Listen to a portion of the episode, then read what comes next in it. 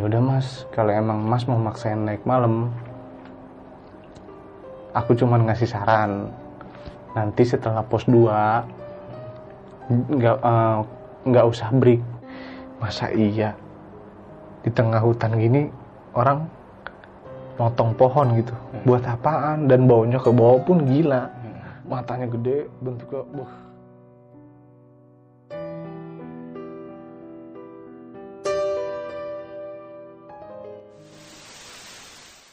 Assalamualaikum warahmatullahi wabarakatuh. Balik lagi bersama gue Indra di besok pagi. Sebelumnya gue sangat berterima kasih banget buat teman-teman semua yang sudah mensupport menonton mendengarkan besok pagi sampai saat ini. Semoga teman-teman semua selalu diberikan kesehatan sama Tuhan yang Maha Esa. Nah, pada kesempatan kali ini, segmen kali ini, uh, gue masih kedatangan narasumber dan narasumber gue nggak jauh-jauh, teman dekat gue, teman pendakian gue. Udah cukup lama kita nggak mendaki gunung ya. betul Nah, kita langsung aja sapa narasumber gue kali ini. Halo Mon, halo apa kabar? Sehat Sehat lah ya. Ya, udah lama nih kita nggak ketemu Mon. betul udah panjang nih gitu makin kan. lebar aja badan. Iya kayak apa lapangan bola Ah, Mon, kalau gue boleh tahu, lu waktu di Merbabu ngalamin kejadian apa aja, Mon? aduh semalaman suntuk tuh pak kejadian-kejadian aneh ya kejadian biasa lah sama yang nggak nampak gitu Nah, sebelum masuk ke cerita, gue mengingatkan kembali buat teman-teman semua jangan lupa di subscribe besok pagi, like, comment, and share. Nyalain loncengnya supaya kalian tidak tertinggal video-video terbaru dari besok pagi. Buat kalian juga mungkin yang mempunyai cerita pengalaman pendakian mistis, cerita kalian pengen diangkat di besok pagi, kalian bisa langsung email di besokpagi@gmail.com atau melalui DM Instagram besokpagi.idv nanti linknya bakal gue cantumin di kolom deskripsi. Sebelum masuk ke cerita nih Mon, hmm, kayaknya kita ngopi dulu kali ya. boleh Kebetulan nih besok pagi dapat kiriman dari Sepeta Sepeta Coffee. Coffee. Nih buat kalian juga yang mau ngopi di Sepeta Coffee, tepatnya di Bintaro, Jalan Titihan. Buat lu juga mungkin yang suntuk sama kehidupan lu atau gabut lagi ngerjain tugas-tugas kantor, tugas kuliah, lu bisa langsung uh, mampir di Sepeta Coffee atau mau order online juga bisa di GrabFood atau GoFood. GoFood. Ya. Nanti linknya bakal gue cantumin juga di kolom deskripsi.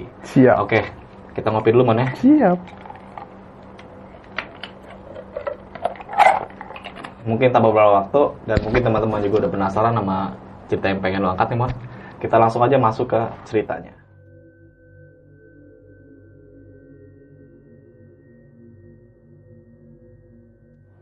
Oke waktu itu gua berangkat hari Rabu ya bertiga dari rumah. Terus sekitar itu udah aneh tuh. Anehnya tuh ya aneh-aneh kunang-kunang lah hmm. kayak aneh kunang-kunang dibilang aneh kunang-kunang tuh kayak aneh tapi nyata gitu setelah kita sampai di stasiun Senen tuh sebenarnya kereta gue tuh jam jam 11 atau jam 11 atau jam 10 malam gitu berangkat tapi delay kan Hmm. karena ada kalau nggak salah insiden kecelakaan di Cirebon jadi mau nggak mau nunggu sampai jam 2 atau jam 3 subuh gitu bahwa kita baru berangkat. Setelah tidur di Pasar Senen eh di stasiun Senen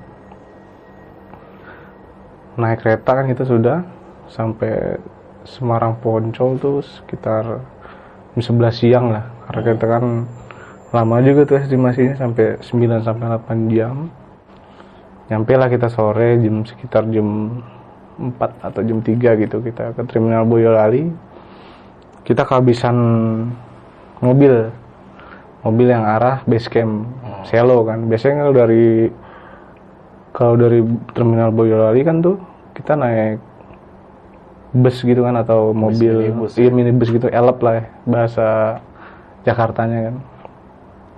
Kita udah kehabisan naik ojek bertiga. Hmm. Satu motor satu motor menuju base camp.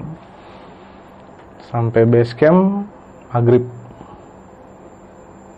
Kita istirahat di base camp paling atas tuh deket pintu gerbang selo sebelah kiri jalan. Di situ masih belum nggak terjadi keanehan sih masih karena masih apa ya masih capek kan jadi nggak mikir yang namanya aneh-aneh. Akhirnya kita mutusin bertiga tuh untuk naik atau enggak nih? Itu pukul udah sekitar jam 8 malam tuh. Waktu itu musim kemarau ya. Kemarau kan bisa dibilang dingin. Dingin banget tuh sih tapi siangnya bakal panas banget kan. Sampailah akhirnya kita ngopi dulu teh makan indomie sedikit sedikit sampai jam 10 malam jam 10 malam kita ketemu rombongan terakhir yang turun itu Pak D. Gue sih nyebutnya Pak D ya. Hmm. dia tuh berasal dari Boyolali atau Magenang gitu Majenang kalau salah. Tegur lah sapa-sapaan seperti biasa kan kalau orang naik gunung pasti kan Ada ya? sapa-sapaan lah kan. Bisa dibilang kayak so kenal so deket kan. Iya. Pade turun. Ya nih mas. Gimana Pade tadi? Hari ini naik. Wah panas katanya. Tapi malamnya dingin dia bilang turun. Mas mau naik? Iya nih mas tapi kita lagi mikir-mikir ada temennya satu Pak Denny bilang wah mending besok pagi aja mas naiknya. Terus gua kayak kayak gua terus yang jawab kan sama orang si mas itu kenapa mas? Ini udah hampir mau larut malam mas. Lebih baik waktunya istirahat nggak bagus juga katanya kalau naik malam tuh Hmm. musim kemarau pasti dinginnya Luar biasa ya. luar biasa kan. Tapi gue di situ bertiga bisa dibilang konyol ya kan. Sebenarnya dibilang konyol emang pengen coba naik malam kan. Nah, akhirnya kita di situ masih kayak tertahan ngobrol sama si pendaki yang baru turun ini ya kan. Kita ngobrol sama 15 menit mutusin untuk naik. Setelah mutusin untuk naik ada temennya lagi nih turun tiga yang terakhir. Dia ngomong mau naik mas? Gitu kan. Iya nih mas. Terus bertiga mas? Gitu kan. Iya mas bertiga. Waduh kalau bisa besok aja mas. Gitu kan. Yaudah mas kita ngobrol dulu kata kita. Kita ngopi dulu gitu kan. Temen gue yang dua emang masih di pintu base camp kan. Lagi mau prepare kebetulan gue udah di depan base camp kan. Nikmatin udara malam. Ngobrol-ngobrol temen gue yang dua nih udah siap untuk kayak kayak- apa trekking malam ya kan. Gue juga bisa dibilang pertama kali tuh trekking malam.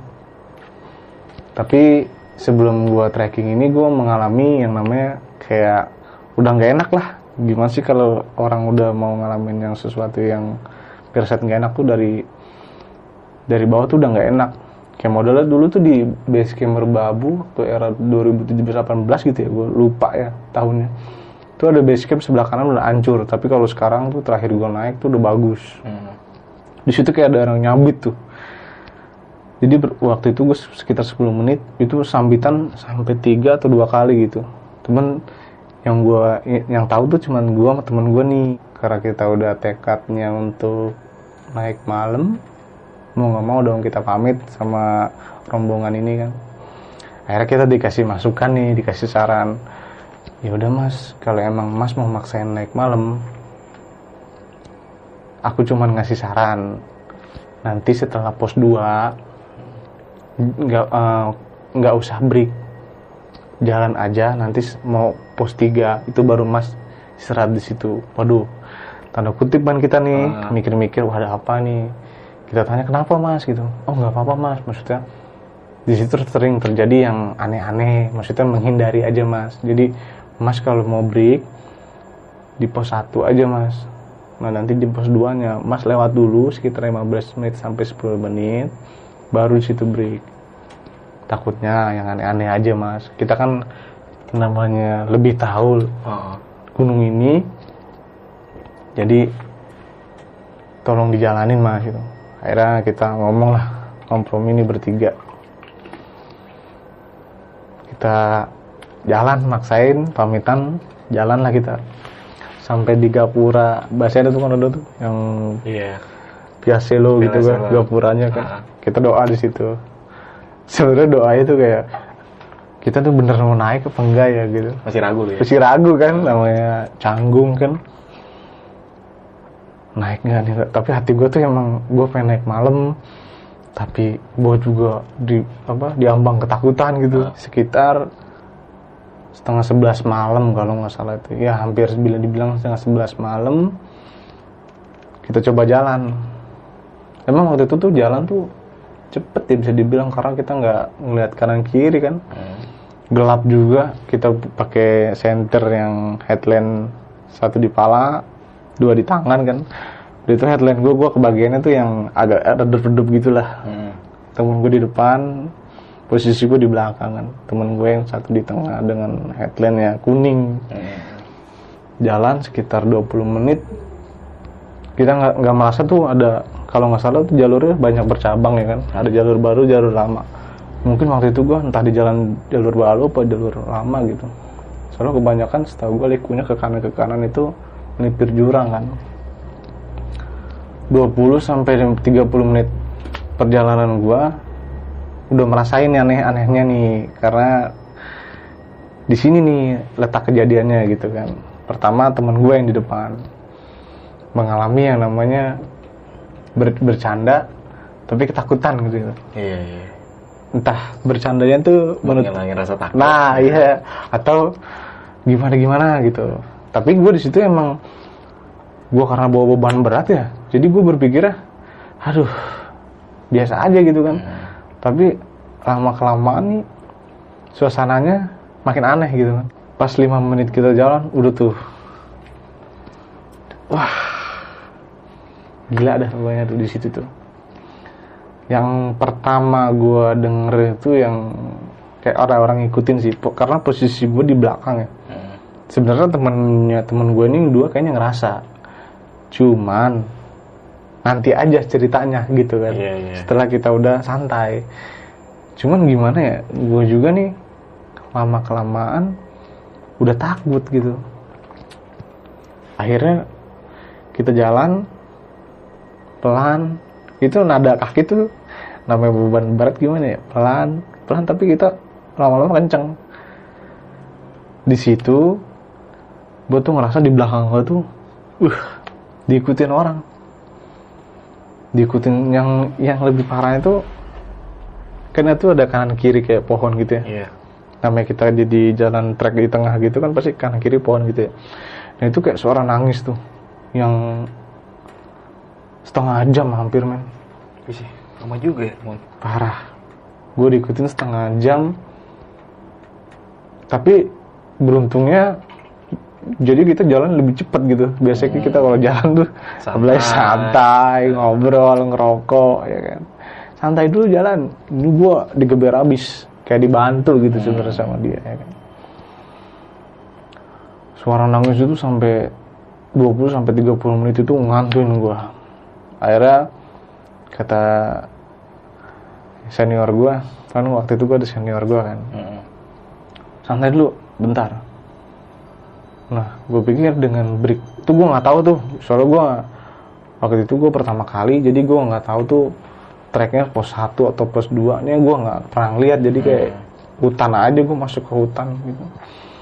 Kabut turun itu kabut sekitar setengah 12 kalau nggak salah turun tuh di situ suara wah entah ada suara gaib apa bentuknya apa gitu kan. Kayak teriak gitu. Waktu keadaan kita berhenti di jalan itu. Teriak. Abis suara orang teriak gitu kita bingung kan. Aduh suara apaan tuh ya?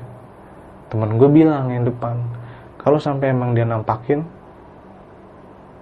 kita tiarap gitu kan. Hmm. tapi gue berdua nih nama namanya gue habis suka orang suka bercanda ya. Malah ketawa-tawa. Sebenarnya ketawanya nutupin ketakutan gitu kan. Kalau gue sih pribadi kalau sampai dia munculin diri gitu dengan bentuknya dia gue pasti tiarap sih daripada gue lari kenapa-napa kan? Iya. ternyata enggak dia cuma enggak nampakin gitu cuman berbentuk suara lah yang lebih jelas. Kita mau tiga langkah jalan gue pikir suara itu masih ya masih udah hilang gitu. Ternyata masih ngikutin. Kita jalan pelan dia juga ngikutin. Sampai suara burung tuh kalau di kayak burung apa lah gitu burung burung nggak tau lah. Pokoknya bunyi di situ tuh kita udah mulai lebih takut lagi men. Jadi kayak tadi gue step pertama tuh kayak di ah ini mah cuma pemanasan nih ya kan. Iya. takut takutin dia ya kan. Ternyata di kedua ini gue lebih parah gitu kan nangisnya makin kenceng.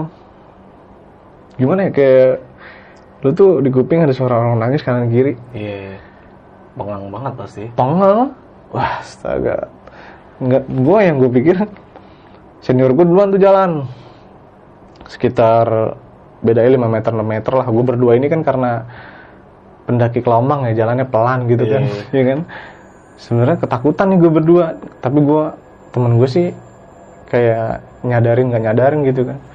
Tapi gue yang lebih parah di belakang. Bener gimana sih pak? Kayak di belakang gue tuh beda 2 meter 3 meter dia. Tapi kalau kita lihat ke belakang kayak gini tuh ya nggak ada apa-apa Sua- pas ki- ke- ketika kita tengok ke belakang tuh nggak ada suara apa-apa. Tapi kalau pas kita jalan ngikutin terus. Muncul lagi. muncul lagi. Nah sekitar udah hampir 35 menit senior gue bener-bener jalan duluan kan. Gue masih diikutin aja sama suara itu. Bener-bener diikutin terus. Mungkin alhamdulillahnya waktu itu nggak hujan ya. Kalau sampai hujan waduh Repot pak. repot.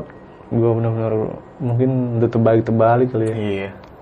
udah hujan ketakutan. Alhamdulillahnya terang. Di trek ini gue masih diikutin namanya suara-suara kayak gitulah. Belum belum diwujudin lah. Bersyukur gitu ya. Lintas lah kita jalan. Hampir 30 menit tuh kita dihantuin di jalan ya kan ketemulah namanya pos 2 pak. Kita berpikir tekad nggak ngobrol di situ pak. Hmm. karena yang tadi di bawah diomongin tuh jangan berhenti di pos 2 Iya. si Pak De si Mas itu bilang sering berdi, sering ada gitu kan. Bukan wujudin gitu tapi sering ada gitu. Kita sih bener-bener jalan itu pas di pos 2 itu kita bener-bener melipir ke kanan kita jalan terus pak ngebut jadi kita tuh jalan kayak diikutin gitu loh pak Set, Iya. sampai pos 2 lebih 10 menit kita jalan dari pos 2 itu suara itu hilang pak jadi dia tuh jatuhnya kayak kalau orang dulu tuh bilangnya apa ya, dititipin gitu Mm. dulu kan gue pernah tuh naik ke pendaki penda- eh, gunung-gunung lain kita dititipin biar selamat gitu Iya. Di gue di kayak dititipin sama warga sekitar gitu. Ini jagain orang ini gitu. Mm. jangan sampai dia kesesat atau kenapa-napa gitu.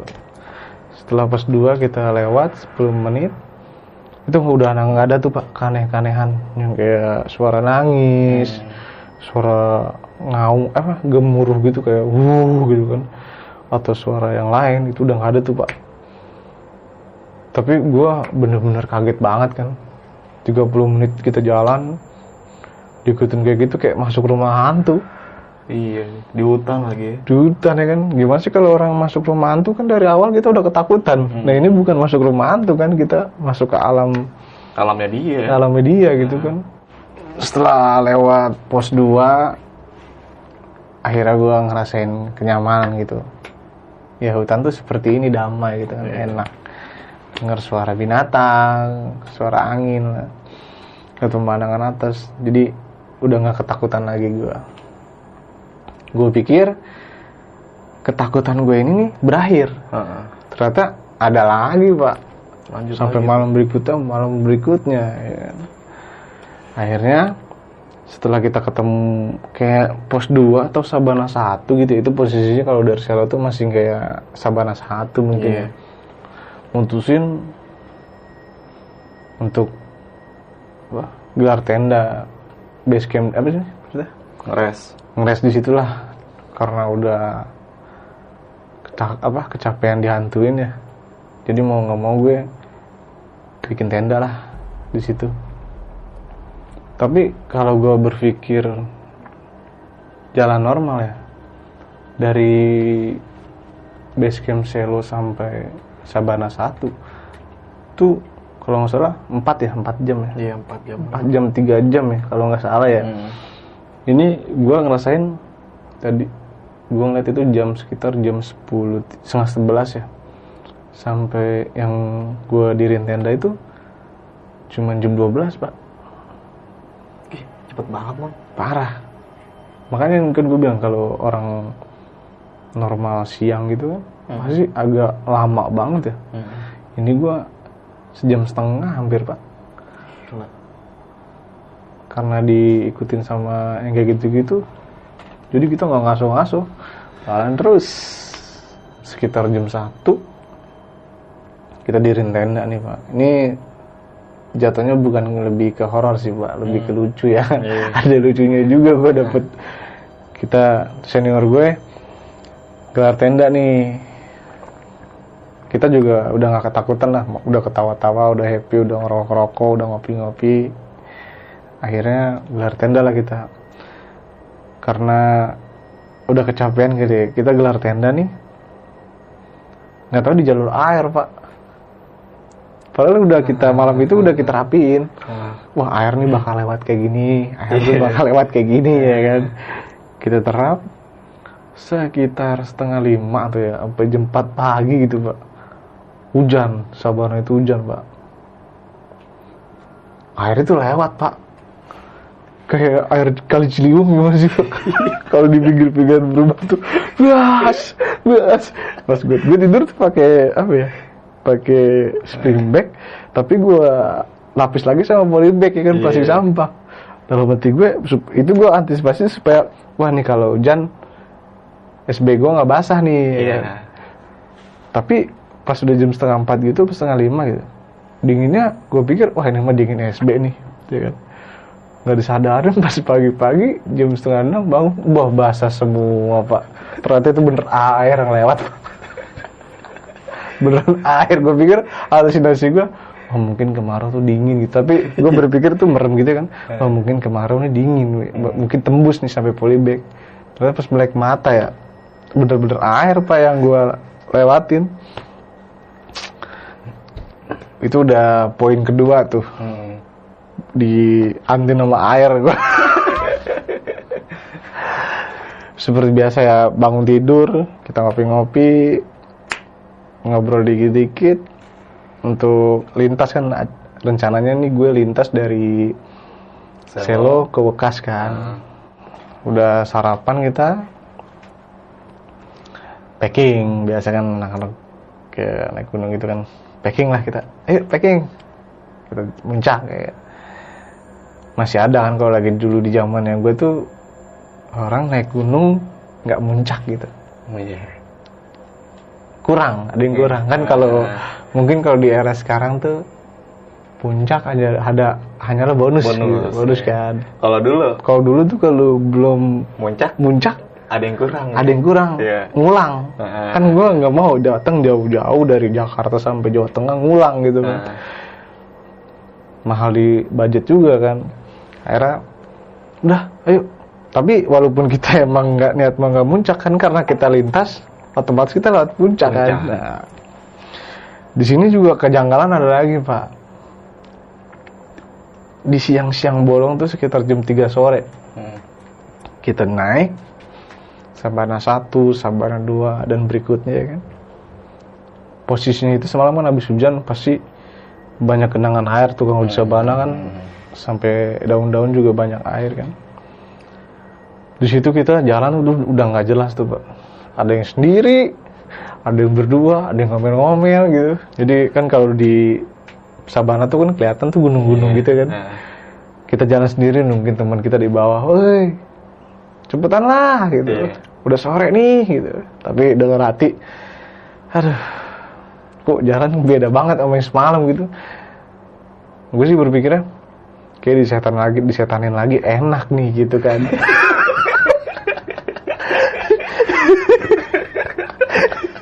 itu itu gue di gue nyebut gue kayak eh, gue sempet bilang hati gue tuh pas di apa yang ada tuh lara yang di hutan bagian apa gitu jadi temen gue berdua udah naik duluan. Gue di paling belakang tuh.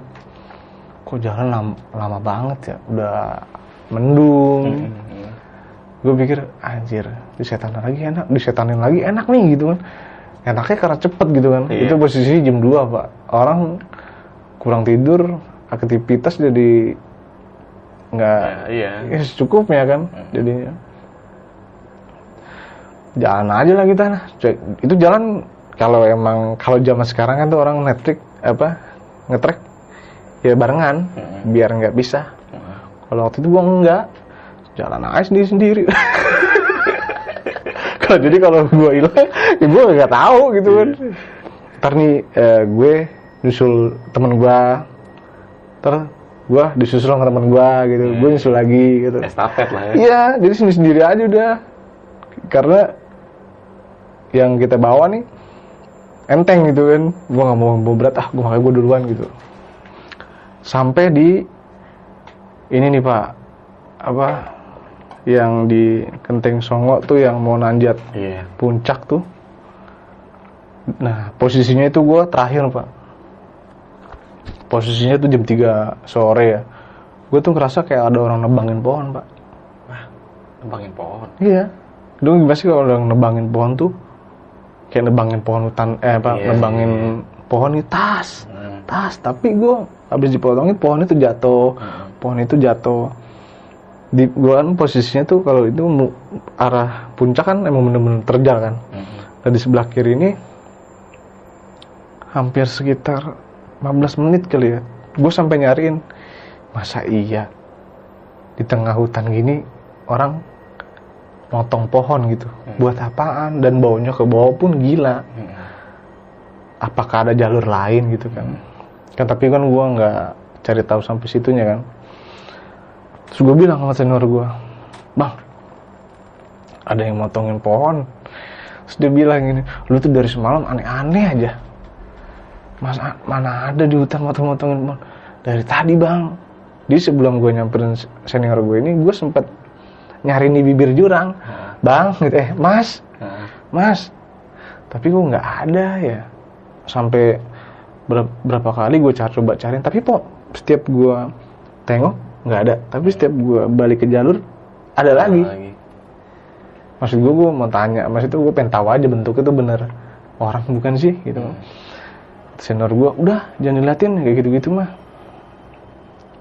Ntar kenapa-napa gitu. Udah yuk biar nggak kesorean. Akhirnya gue cuekin lah tuh. Tapi gue sih merasa masih janggal ya. Hmm. Maksud gue siapa sih gitu pelakunya? Gue penasaran banget gitu. Karena itu udah mau menjelang jam 4 atau setengah lima sore kan gue harus lintas kan. Udah, lu gue lupain aja. Gue lupain, nyampe di puncak. Biasa, orang kan kalau udah sampai di puncak nih, eh, pasti banyak foto kan. iya Cekrak, cekrek, ya. ritual dulu ya ritual. Karena itu udah apa ya jatuhnya? Wajib kewajiban. kewajiban udah kewajiban kan tuh gue nggak terasa tuh gue pikir dengan gue lama di puncak itu bakal apa ya nikmatin gitu ternyata enggak gue dihantam gerimis kan mau nggak mau gue gelar presit sebentar kita turun setengah lima sore setelah kita habis foto-foto nikmatin suasana sore kan. Tapi waktu itu gue dapetnya tembok pak. Kabut ya? Nggak dapet view-view yang kayak di foto-foto orang ya kan. Dapetnya tembok kayak gue foto di rumah aja gitu kan. Dibilang gua nyesel sih kaget ya. Cuman oh begitu gitu kan. Akhirnya gue turun. Di situ masih bercanda-canda lah. Sama kalau gue tuh kemarin-kemarin tuh jalan ya sono beda-beda 10 meter lah. Jadi kalau ngobrol woi tungguin. Kalau zaman sekarang kan naik gunung eh tungguin apa barengan? Gitu kan. Iya. Maksudnya kita jalan bertiga iya nempel banget jalannya. Kalau dulu kan woi tungguin. Nanti ya, ntar di, di pos atas gitu kan. Dulu kan masih zamannya pakai almatra ya. Kalau almatra kan tuh iya iya. wih di tradisinya paling keren banget lah kalau orang pakai almatra apalagi pakai apa pakai kacu. Pakai kacu. Iya. Ais. flyer ya. Jalan itu gue nyampe puncak serif. Nah puncak sarif ketemu dua orang. Ini gue ketemu dua orang lagi. Mau ke mana mas? Turun. Dia kalau nggak salah waduh udah mau maghrib mas. Nggak muncak apa nggak dirin tenda lagi wah buru-buru mas. Itu posisinya gue ditinggal lagi biasa sendiri. Teman gue berdua udah gue tim kelompok temen gue udah turun kan di belakang. Setelah gue ngobrol sama si mas udah nge- apa ngecamp aja lagi mas. Semalaman gitu. Wah teman saya udah di bawah mas.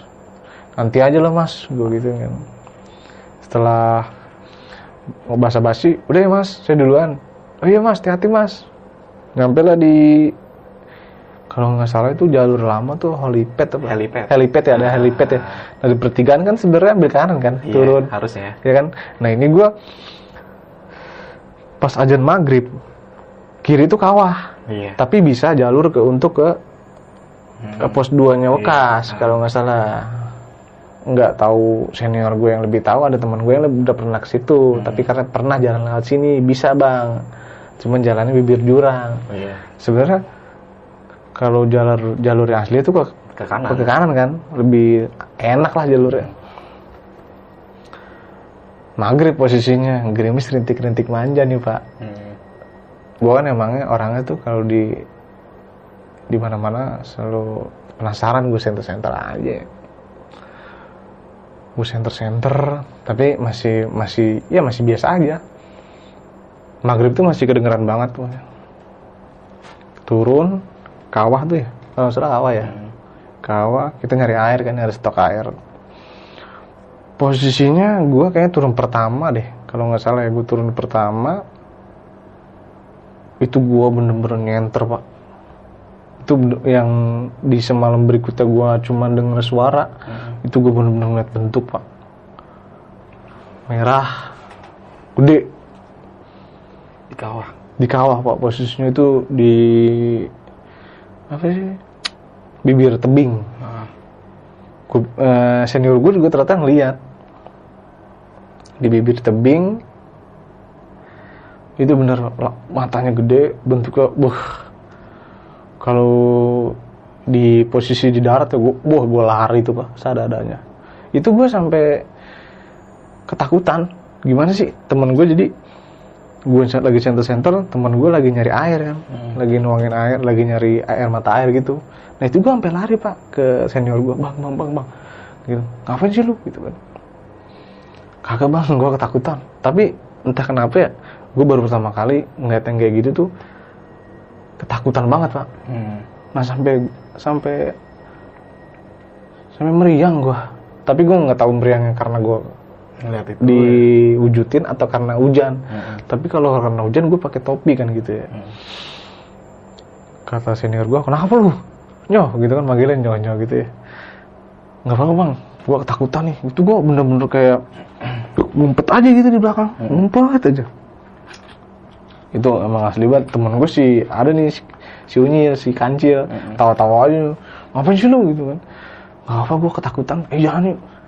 Ternyata senior gue tuh pas gue di jalan berdua itu dia juga ngeliat.